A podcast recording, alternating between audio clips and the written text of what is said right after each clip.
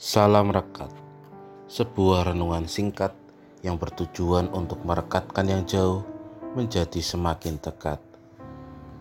Rekat hari Selasa 17 Mei 2022 diberi judul Kasih Karena atau Kasih Walaupun. Rekat hari ini dilandasi firman Tuhan dari 2 Samuel pasal 1 ayat 4 sampai ayat 27 Nats hari ini diambil dari ayat 17.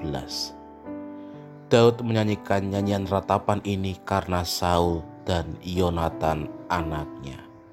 Demikianlah firman Tuhan. Bapak Ibu dan Saudara terkasih di dalam Tuhan,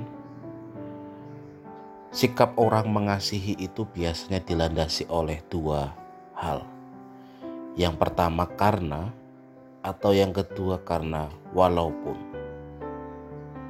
Kasih yang dilandasi karena itu berarti ia mengasihi karena orang itu baik kepadanya, atau ia mengasihi karena orang itu sesuai dengan keinginannya, sehingga ia mengasihi orang itu. Tetapi kalau orang itu tidak sesuai dengan apa yang dia inginkan, maka orang itu tidak kita kasihi. Jadi kasih itu dilandasi oleh alasan. Tetapi ada juga kasih yang dilandasi oleh walaupun. Kita mengasihi orang itu meskipun dia membenci kita.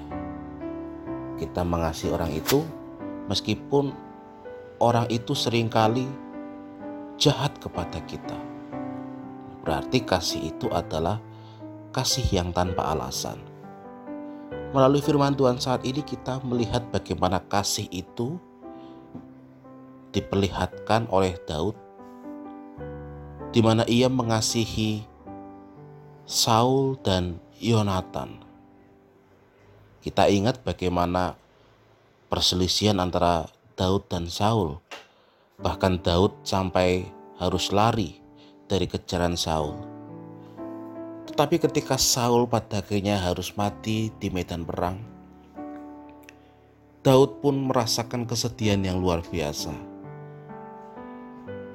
Daud meratap. Daud bersedih atas kematian Saul dan Yonatan anaknya.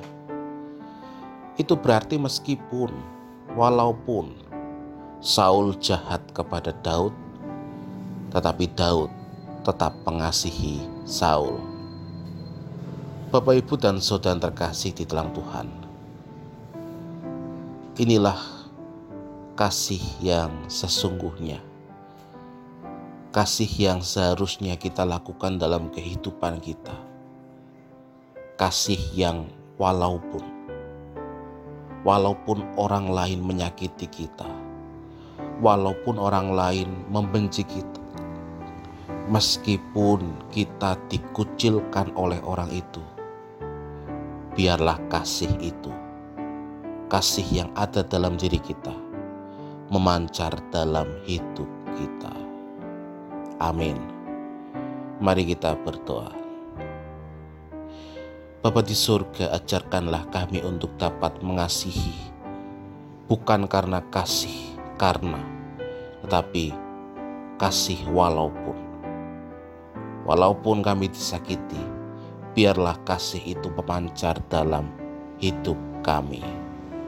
Amin.